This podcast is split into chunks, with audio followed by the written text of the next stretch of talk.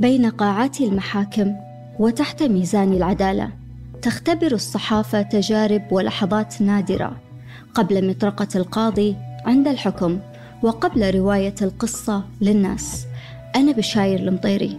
عشت وتعايشت خلال سنوات من عملي الإعلامي في مجال الكتابة عن الجرائم في أروقة القضاء مع أخطاء البشر وصوابهم مع نص القانون وروحه مع الجريمة وظلالها في المجتمع ومع الإدانة والبراءة وما بينهما من عواقب ومشاعر.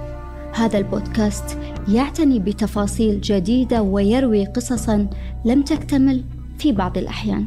أقدم بودكاست راوية الجريمة من الشرق بودكاست. تابعونا كل أسبوع على جميع منصات البودكاست.